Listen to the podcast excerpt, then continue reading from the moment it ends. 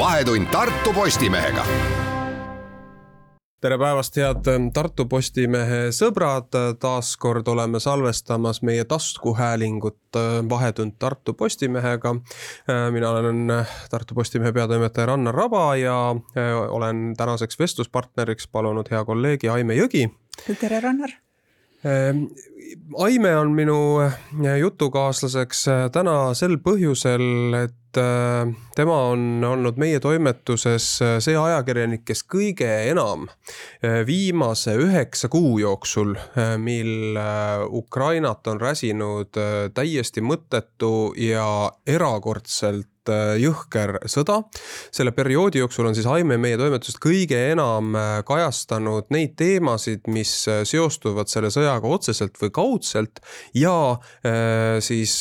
suhelnud ka kõige rohkem nende inimestega, keda me saame sõjapõgenikeks nimetada ja ka nende inimestega, kes siin sõjapõgenikega siinsamas meie kodutanumaal Tartus tegelevad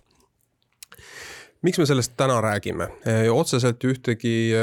ajalist tärminit, mis meile kohustuse õlgadele seaks, ei ole.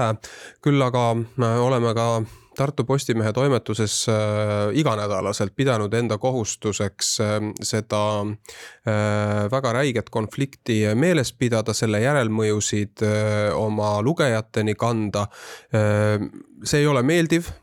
öelda sealjuures, et me ka ise oleme väsinud, tüdinud, oleks väga lihtne, aga me kõik ju saame aru sellest, et ähm, selles sõjas on halvim, mida me või selle sõja puhul on halvim, mida meie siin Eestis ja siin Tartus teha saame, on see, et me unustame või muutume ükskõikseks. Ja siin on ka selle tänase äh, podcast'i peamine mõte.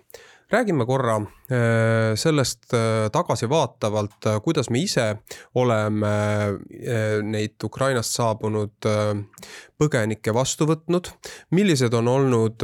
siis ka need muljed, mida sina, Aime, oled vahendanud sellises blogis, mille peategelane on üks sulle juba varasemalt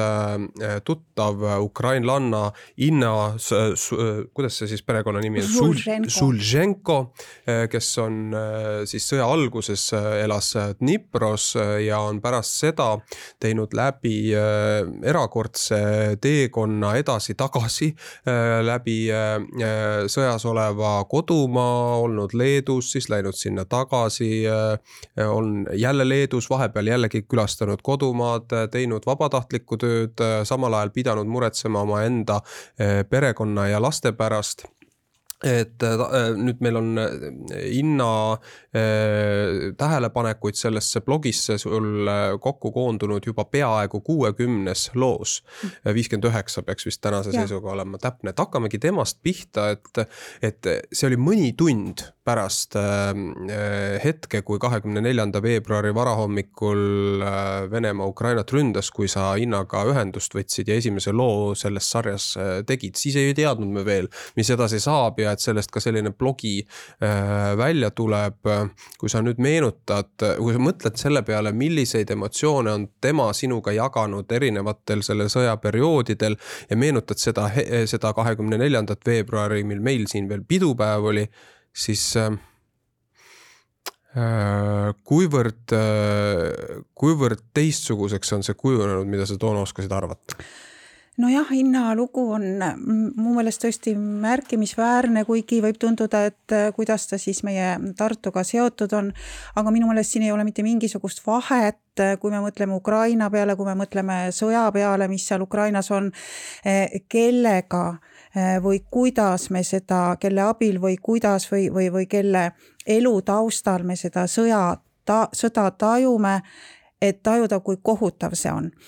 Et Inna Žulženkoga ma kohtusin jah seitse aastat tagasi, kui me peame ju ütlema, et sõda juba käis äh, Donbassis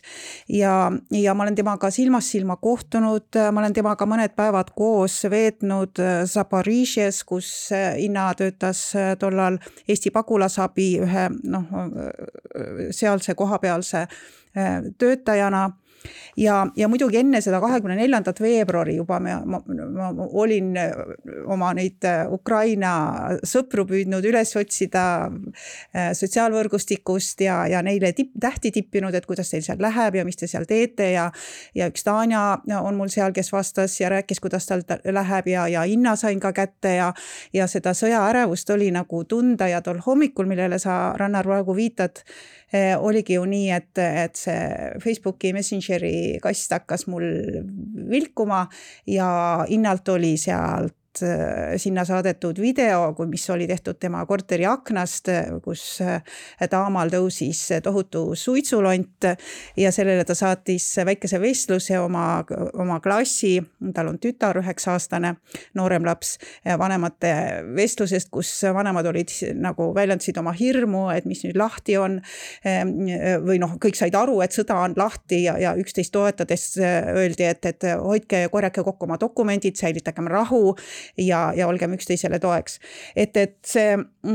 noh, me, me teeme ju neid lugusid ikka, kohtume kord ühe ja kord teise inimesega, võtame ta tähelepanu alla, kuulame ta äh, üle, esitame küsimusi ja, ja see lugu ilmub. aga Ina Šultšenko looga on nagu, nagu see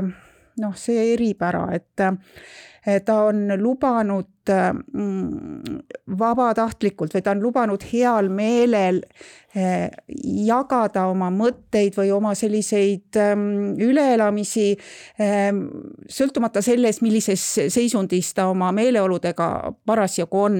ja, ja, ja kui ta mulle siis äh, kirjutas ja ma küsisin, et Inna, aga, aga räägime sellest, kas, kas ma võin sellest rääkida oma Tartu Postimehe lugejatele, siis seal oli võib-olla väike paus. ja ta ütles, et jah, võid ja kui me siis kokku leppisime sõja teisel või kolmandal päeval, et, et Inna, et, et, et, et et, me hoiame sulle pöialt ja see on tohutu ärev olukord, kus sa seal oled. aga kas sa jagaksid seda, mida sa läbi elad? siis, siis ta jälle võttis hetke ja ütles, et jah, Aime, et mul on, mul on hea meel, kui, kui Eestis on kuskil ühed lugejad, kes saavad osa tema elust, teadmata ta siis veel, mis, mis teda, teda ees ootab ja ja et noh, mitte liiga pikalt siia nüüd äh, rääkima jääda, Trannar, sa loetlesid ka üle selle, selle Inna Žultšenko, äh, kes siis äh, elab, nüüd võib öelda, elas Dnipros. noh, selle, selle üheksa kuu sõja saatuse, et, et kui ta algul kirjeldas kirjeldas äh, kõiki neid töid või ettevõtmisi või neid, äh, ta töötas Caritases, äh, heategevusorganisatsioonis Caritas, ta on psühholoog, tegeles väga palju lastega. et kuidas ta siis sealt Dniprost kolmandal päeval otsustas, et ta toob oma tütre ära kõigepealt sõjast, et kuna tal vanem laps on Ivan, töötab, töötab, õpib Vilniuses, et, et ma viin oma tütre sinna Vilniusesse Ivani juurde ja kuidas ta siis kirjeldab, kuidas ta tütrega mööda, mööda maad sõidab mees roolis, mees üle piiri ei saanud, sealt edasi läbi Varssavi, nädal aega viis ta oma tütart äh, ära Leetu. ja kõik need tunded, kuidas, kuidas seda tütart on raske sinna jätta ja kuidas ta otsustab, et ma tulen tagasi ja kuidas ta siis tuli tagasi ja kuidas ta siis äh, tegi oma tööd, rääkides, kuidas tema Karitase töökabinett on täis tule ja suitsulõhna, kuna, kuna seal on äh, öömajalised, kes on tulnud rindelähedastest äh, piirkondadest ja, ja Caritas on selline heategevusorganisatsioon, mis aitas siis või aitab neid äh, noh, kõigega, riietega, toiduga. ja, ja kuidas siis kevad tuli ja, ja, ja kuidas siis ülestõusmispühi tähistati seal, seal, seal Kesk-Ukrainas äh, sõjahõngus. kuidas inimesed pommirünnakute vahel peenraid tegid, et kõike seda räägib Inna, et see, see ei ole nagu ainult tema lugu, vaid, vaid ta räägib väga paljude noh, terve galerii on neid lugusid nende, nende inimeste traagikast, kuidas ta ühes, ühes postituses räägib mulle vanade inimeste traagikast, et kui raske on neil lahkuda paikast, mis on noh, täis kogu nende elu mälestusi. siis ta räägib noortest, et kuidas neil noortel on ju tegelikult see sõda on, on, on nende lapsepõlv. ja siis ta räägib, kuidas ta Eurovisiooni unustas ära, seesama Eurovisioon, kus, kus, kus Ukraina võitis ja, ja, ja ütles, et mina filmisin sel ajal aknast sireene, mis, mis et, et mul, mul läks see täiesti meeles ja, ja kuidas ta siis ikkagi juuni esimesel nädalal otsustab, et, et ta lahkub Ukrainast, et ta, et ta läheb oma laste juurde Vilniusesse ja, ja, ja ta läkski ja kuidas ta elab seda üle, et, et mina olen nüüd see reetur, jätan oma kodumaa ja sõbrad nüüd sinna, samas mõeldes oma lastele, kes, kes teda seal ootavad ja kui ta sinna Vilniusesse siis ükskord jõudis, kuidas siis ta tütar oli hakanud juba teda võõristama nende, nende esimeste kuude eemaloleku tõttu ja, ja kõik need kaks reisi siin nüüd suvel ja sügisel tagasi mehe juurde, sest mehi üle piiri ei lasta ja ta mees Pavlo töötab, töötab Dnipros edasi ja, ja suhtlemine mehega ja kõik see, et et jah, need noh, head Tartu Postimehe lugejad, et see, see blogi on seal meie leheküljel näha ja see nüüd ei ole täienenud viimasel ajal väga palju eh, tihedamalt, tihedalt kui noh, nii tihedalt, kui ta võib-olla sõja algusel oli. seal on üks või kaks postitut kuus, postitust kuus, sellepärast et Inna elab praegu rahulikus riigis, Leedus, eh, Vilniuses. me võime Tartuski kujutada ette teda kuulates, mida tunnevad need inimesed Eh, kes, kes Ukrainast on, on ära läinud sõja eest, on ajutiselt ära läinud, mida nad tunnevad võõrsil olles, et et sellest võiks ka rääkida, aga võib-olla pead vahepeal, Rannar, sina midagi küsima, sest meil on ju neid ukrainlasi, kellest me päris palju teame ja, ja lehelugejad ka, kui nad on märganud. mina tahan selle sinu blogi ühe nagu peamise väärtusena esile tõsta selle et see annab, no ühesõnaga, me kõik ju oleme terve selle pika ja, ja, ja, ja kahetsusväärselt kohutavalt pika äh, perioodi jooksul näinud äh, neid mm, eriti äh, jõhkraid äh, kaadreid otsestest rindepiirkondadest, kus on purustatud maju, on purustatud inimelusid, on sooritatud hulganisti sõjakuritegusid, ehk siis sellist väga intensiivset pilti oleme me näinud ja näeme seda kogu aeg ja peamegi seda nägema, me tahame või mitte, loomulikult me ei taha, aga me peame seda nägema ja, ja, ja seda endaga kaasas kandma, kuni see ükskord otsa saab selle jaoks, et ülejäänud maailm ei peaks seda taluma. aga nüüd sinu blogi puhul mina nagu näen eriti suurt väärtust selles, et see annab vahetult edasi neid siirdeid, mida tajuvad inimesed, kes ei ole päris otseselt võitluses selles kõige jõhkramas situatsioonis, aga kuivõrd tegelikult ju kogu see maa, äh, kõik need perekonnad, kogu see rahvas on ju ühel või teisel moel äh, ikkagi väga tugevalt äh, noh, nende elu on väänatud ja ja minule näiteks noh, selle näitlikustamiseks läkski väga-väga hinge just see, mida sa ka ise välja tõid, kui äh, Inna oli jõudnud rahulikku Leetu oma tütre juurde ja selgus, et, et tal on tütrega nagu side hakanud kaduma. Kuivõrd ülekohtune ka see saab olla, et jah, me räägi-, me ei, me ei pruugi rääkida nende Ukraina lugude puhul äh, üks-ühele kellegi tapmisest sel hetkel aga see ei olegi ju ainus, et, et kuivõrd laiaulatuslik ja kuhu kõikjale võib jõuda see järellainetus ja mismoodi see mõjutab inimeste suhteid nii lähedal kui kaugel. ja kuivõrd traagilised võivad olla ka need situatsioonid, mis ei seostu otseselt verevalamisega. et ja seda me peame ka tajuma täpselt samavõrd kui seda, et me näeme, kuidas rinne liigub kord siia ja sinna, hoiame pöialt, et see liiguks ikka rohkem ida poole. et äh, me peame nendest ja noh, ma tahakski nagu Tartu Postimehe lugejatele öelda, et, et, et tasub neid lugusid endast äh, ikkagi läbi lasta ka siis, kui tunned, et oled väsinud. sest äh, järgmisel hetkel võib tekkida ka unustamine ja kui me unustame, siis ei ole noh mõtet meil nagu väga,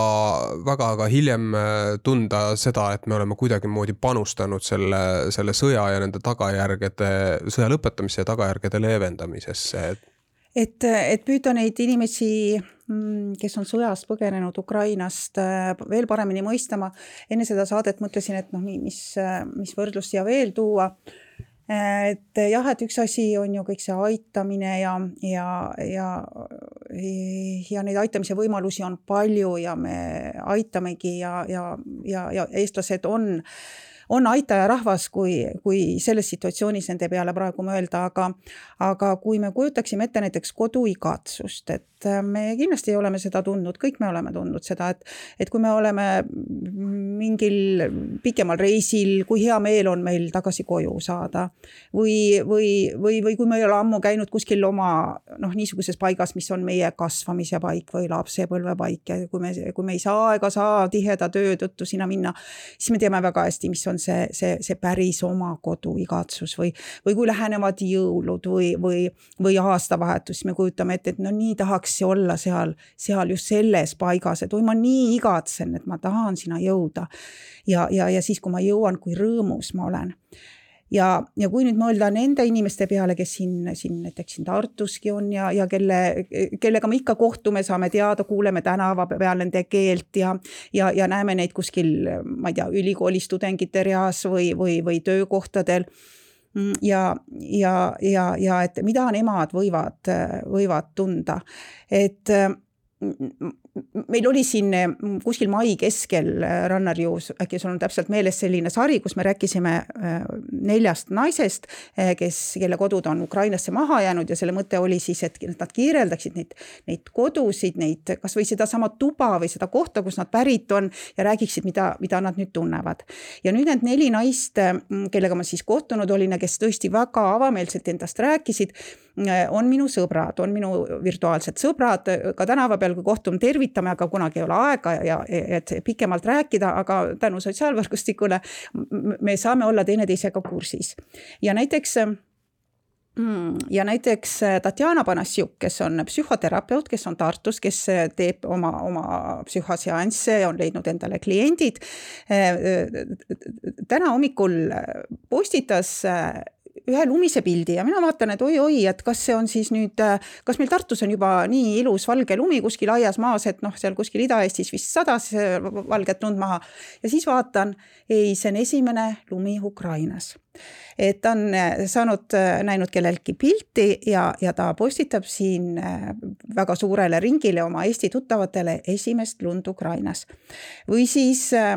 või siis Hanna Vjaznikova, kes, kes võib-olla ka on juba natukene tartlastele tuttav, tema on fotoajakirjanik. ta teeb väga häid fotosessioone, teeb eraviisiliselt, käib ka rokk-kontsertidel, on teinud ka ERMis ühes projektis kaasa, on, on käinud mingitel sündmustel lasteaedades. ERMis ta näiteks pildistas kooride kontserdid, kontserdisündmust ja, ja tema siis aeg-ajalt siis vaatan, et mis tal oi, et jälle Anna on midagi postitanud ja siis seal postituse ees on, tahan jagada teile fotosid elust enne, kolm punkti. või, või jagan fotosid veel viimasest õnnelikust aastast. ja siis ta näitab neid fotosid, mis on tehtud sellest ilusast õnnelikust ajast ja, ja veel viimane asi. näiteks Darja Krutikova, mida, mida ma tema puhul nagu märkasin nüüd ka hiljuti, tema on üks üks väga noor naine, kes on leidnud tööd Foxways on vist niimoodi, Foxway mm, -hmm, jah, jah. ja, ja kes, kel õnnestus läbi Venemaa, tema on Mariupoli tüdruk, oi kuidas ta sellest Mariupolist räägib, et, et kuidas ta ka jagab neid ilusaid Mariupoli pilte, me oleme näinud Mariupolist tohutult palju neid, neid sõjavaremeid. aga otsige üles Mariupol rahuajal ja te näete, kui ilus linn see kahjuks oli. nii Darja ja, ja kes jõudis siia koos kogu oma, terve oma perega ja ka mehega läbi Venemaa ja, ja tema nüüd üsna hiljuti postitas nüüd vastandina sellele, mida, mida Anna äh, räägib, et elust enne, postitas veel kord maja Ševtšenko tänav kuuskümmend kaks, mis on tema, tema kodu. ja, ja all siis on, on see lause, et koht, kus oli soe ja mõnus, kus valgus põles, ootas tekk nüüd on siin ainult seal ainult mälestused ja auk minu rinnus. et äh, no, et, et ja siis ta veel ütleb, et et, et, et seda ilu, milleks mulle see. et, et ma tahan lihtsalt, no ma ei tea, et, et kui me hakkame ära unustama seda ja, või väsima, et noh, niisugustele asjadele mõelda ja ja, ja kuidas neil paljudel ei ole tagasiteed või see tagasitee on väga pikk ja raske ja me ei tea, kui kaua see veel aega võtab ja osad neist naistest, keda ma siis tunnen, sest enamasti ma ju tunnen Ukraina naisi, ei ole sotsiaalvõrgustikus oma kohaks, elukohaks pannud Tartu, neil on ikkagi need oma kohad, aga osadel muidugi on ka Tartu, nii et ma ei tea, kas siit ka midagi välja lugeda või see on lihtsalt jäänud neil kahe silma vahele, et et jah, siin on siirdeid niivõrd palju sellest sõjast, et et, et neid on palju ja, ja, ja me peaksime olema kivist südamega, kui me neid ei märkaks. minu meelest on jällegi, kui jätta kõrvale need kõige, kõige, kõige otsesemad traagilised sündmused, mida, mida me, äh, mida meieni ka meie ametikaaslased, ajakirjanikud Ukrainast äh, kannavad või mis meile jõuavad äh, sotsiaalmeedias, siis nagu selline üldisem, kõige raputavam või ütleme siis nii, kõige vastikum asi minu arvates on see äratundmine või avastus et, et me ikkagi ei saa inimese peale kindlad olla. vähemalt minu jaoks on see niimoodi olnud, et äratundmine, et inimene siiski ei ole hoolimata sellest, et meil on tohutult palju äh, mõne aastaga kiiresti arenenud uusi ägedaid tehnilisi abivahendeid kommunikeerimiseks, äh, info vahetamiseks, maailma avastamiseks, igas mõttes paremaks inimeseks olemiseks, hoolimata sellest, et meil neid vahendeid on tohutult palju juurde tulnud. ja me räägime haritusest ja haridusest ja, ja sellest, kuivõrd äh, noh, igasugune integreerumine maailmas peaks aitama meil üksteist paremini mõista.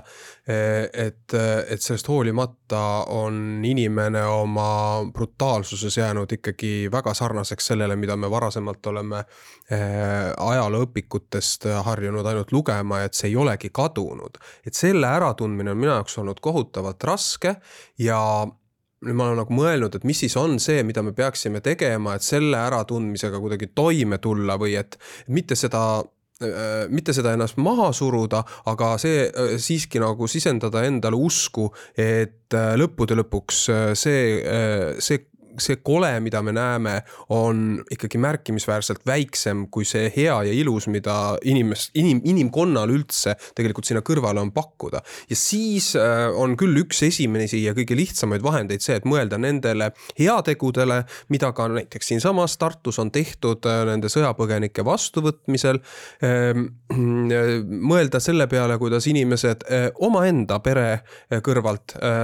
sellesama õiguse kõrvalt olla endiselt siin ka ikkagi õnnelikud, on võtnud kätte, eh, loovutanud, loovutanud oma isiklikku raha, loovutanud oma isiklikke autosid, oma elupindasid, eh, kas siis noh, hea küll, välja rentinud, mõned inimesed ka heategevuslikus korras välja andnud ja teinud igasuguseid eh, muid liigutusi. Ja kui need nagu ühte kimpu siduda, siis see, see, see tunne muutub nagu märkimisväärselt paremaks ja annab nagu võimaluse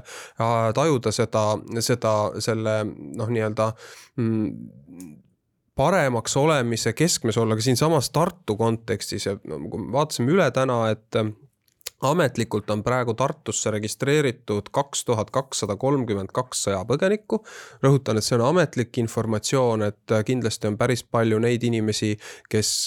noh, nendest nimetatud arvust tegelikult füüsiliselt ei pruugi praegu enam Tartus olla, noh, sest bürokraatia käib alati kuidagi lohinal järel. aga kindlasti on ka väga palju neid sõjapõgenikke, kes mingil põhjusel on siin piirkonnas, aga nad ei ole ametkondadega ühendust võtnud, aga suurusjärk tegelikult peaks meile üht-teist ikkagi ütlema, see on kaks tuhat kakssada kolmkümmend kaks sõjapõgenikku ainult Tartus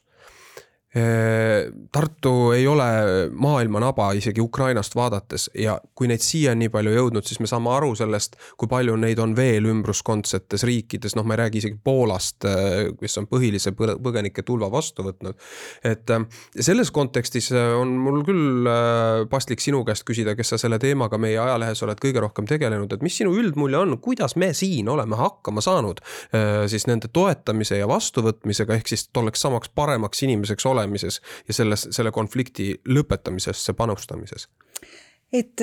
ma saan siia vastata vist jälle nagu väga väikese detailiga ja oma südames tahan uskuda, et see, et see detail iseloomustab nagu suuremat, suuremat pilti. seesama Tatjana Panasjuk, see, see psühholoog mm, -hmm. tema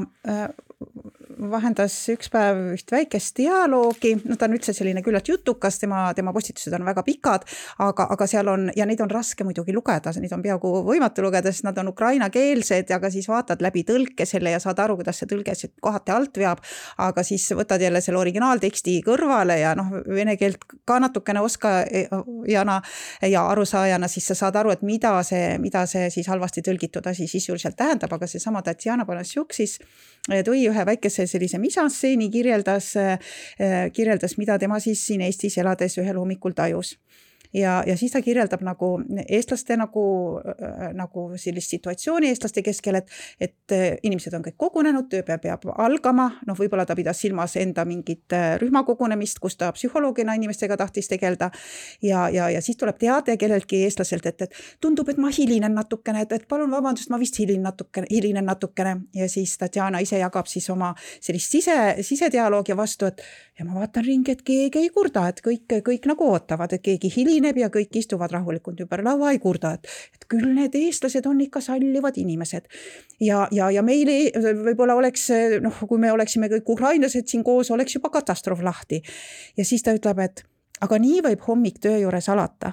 E, ja, ja seal on nagu selline soe ja, ja noh, need emootikonid juures, et, et üht lihtsat hommikut kirjeldades, kuidas inimesed e,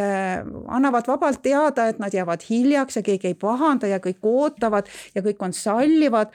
ma tahaks väga loota, et see, see tähendab midagi rohkem, see kirjeldus,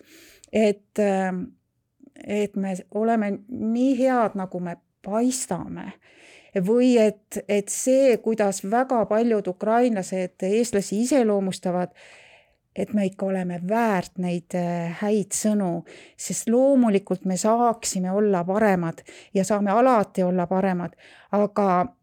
aga et kui me teame ühe või teise või kolmanda sõja käest ära tulnud inimese sellist sisemisi mõtteid, mõtteid või sisemisi pihtimusi,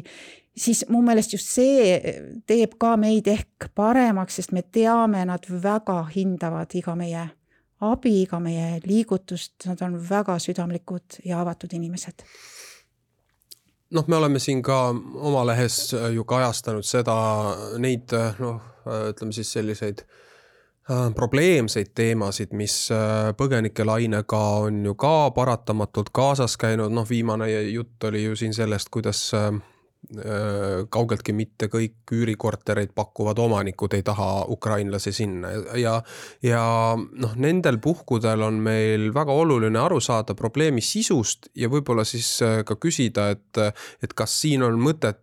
nagu kõike ühte patta panna, et kas, kas see, kui üks üürikorteri omanik ütleb otsesõnu välja, et jah, ta tahab sellele koha, korterile äh, raha eest kasutaja leida, aga äh, ta ei taha, et see oleks sõjapõgenik, et siis kas see tähendab seda, et tegemist on kuidagi mm, tõrjuva olekuga põhimõtteliselt ukrainlaste vastu ja ma arvan, et see ei pruugi üldse nii dramaatiline olukord olla, et me peame aru saama, et, et meile võttes põgenikke vastu ikkagi väga paljud olmelised teemad on väljakutseks. Ja nüüd noh minna nüüd äh, kõiki ühe lauaga lööma ilmselt ei ole äh,, ei ole nagu mõttekas ja ma saan ka sellest aru, et kui keegi äh, tahab saada enda äh, korterisse pikemaks ajaks üürilist ja, ja samal ajal me ju kõik elame lootuses, et, et sõda saab äh, võimalikult ruttu läbi ja need inimesed hakkavad siit lahkuma ja neid ei saa, ei, ei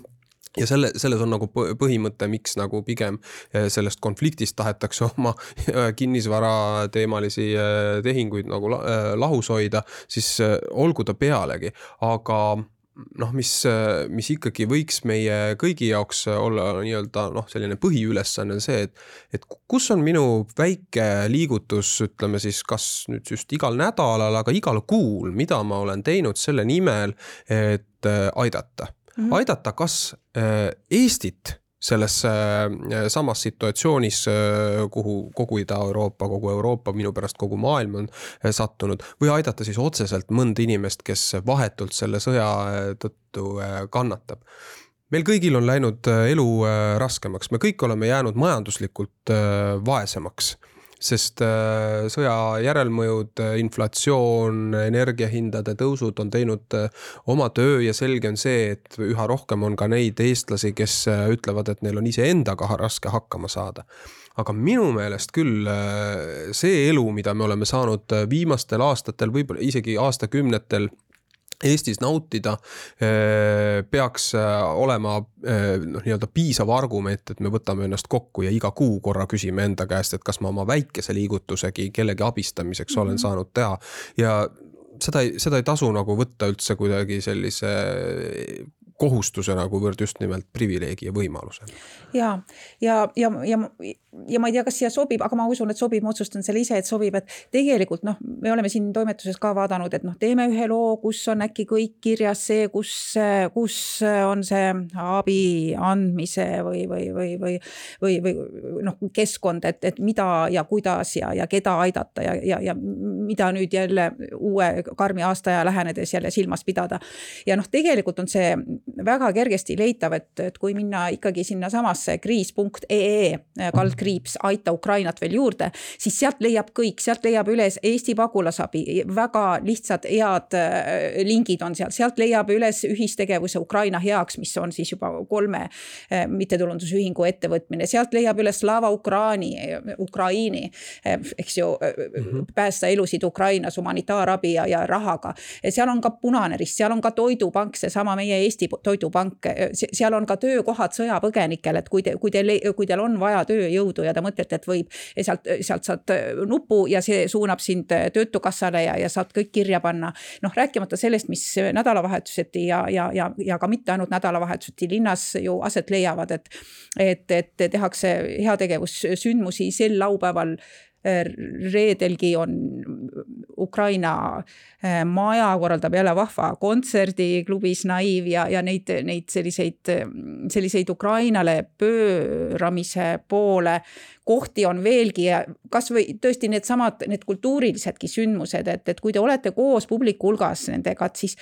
siis see on ka selline nagu, see on nagu selline hea tunne või sa oled äkki kogukonnas kellegagi, kus sa tunned, et sa oled äkki mingis olukorras noh, oma riigis, omas keeles, omas, omas turvalises töökohas töötades oled sa nagu eh, vanem eh, vend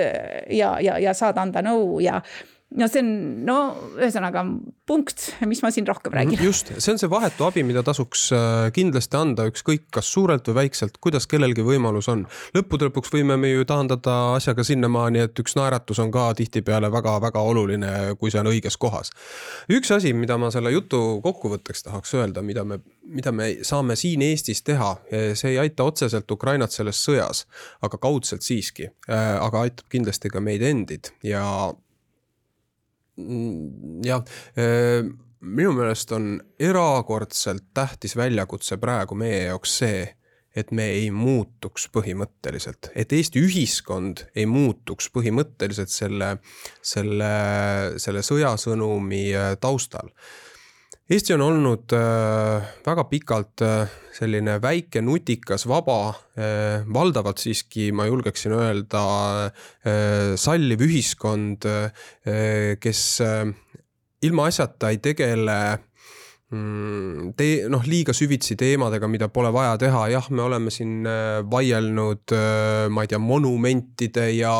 ja, ja, ja teatud äh, noh, ma ei tea, soolise võrdõiguslikkuse, seksuaalsete sättumuste, perekonnaõiguse ja selliste asjade üle ja peamegi seda loomulikult jätkuvalt tegema. aga mis põhiline, et me ei tohiks muutuda olukorras, kus justkui meil on mingi väline oht äh, kasvanud, äh, muutuda selliseks, kus me ütleme, et kõikvõimalikud ühiskondlikud debatid, isikuvabadused ähm, ja muu see säärane ei ole enam niivõrd oluline, sest kusagil on mingi väga suur oht aga kõige suurem oht on muutuda nende sarnaseks, keda me enda jaoks ohuks peame. ja siin on küll meie kõigi jaoks väga oluline väljakutse, et me ei tohi lasta ennast kui konna keeta. ja noh, võib-olla ukrainlaste see seisukohalt vaadates see kõlab äh, natuke või võib-olla isegi küüniliselt, aga meil on ikkagi nende samade sõjas kannatavate ukrainlaste heaolu nimel kohustus olla ka siin ise õnnelikud. ja kui me seda nagu proovime teha nii, et me samal ajal ei, ei unusta seda konflikti ja leiame ka abistamiseks võimalused, siis ma arvan, et see ongi maksimum, mida me teha saame. aidates on päris hea tunne ja see õnnelik olemise soov mulle väga meeldib siin praegu, Rannar. jah, et keegi ei ole võtnud meilt õigust olla endiselt vabad ja õnnelikud, hoolimata sellest, et meie sõbrad Ukrainas kannatavad. Et äh, katsume seda silmas pidada ja Tartu Postimees kindlasti, Aime, ennekõike sinu äh, äh, käe ja sule läbi nendel teemadel hoiab jätkuvalt Ähm, äh, seda teemat jätkuvalt aktiivselt meie, meie nii, nii veebilugudes kui ka paberis, nii et olge head, ikkagi lugege neid, hoolimata sellest, et vahetevahel tüdimus peale tuleb. Oleme üheskoos tugevad ja aitame Ukrainat, kõike head ja, ja kohtumiseni siis järgmises Tartu Postimehe Vahetunni podcastis. Slava Ukraini!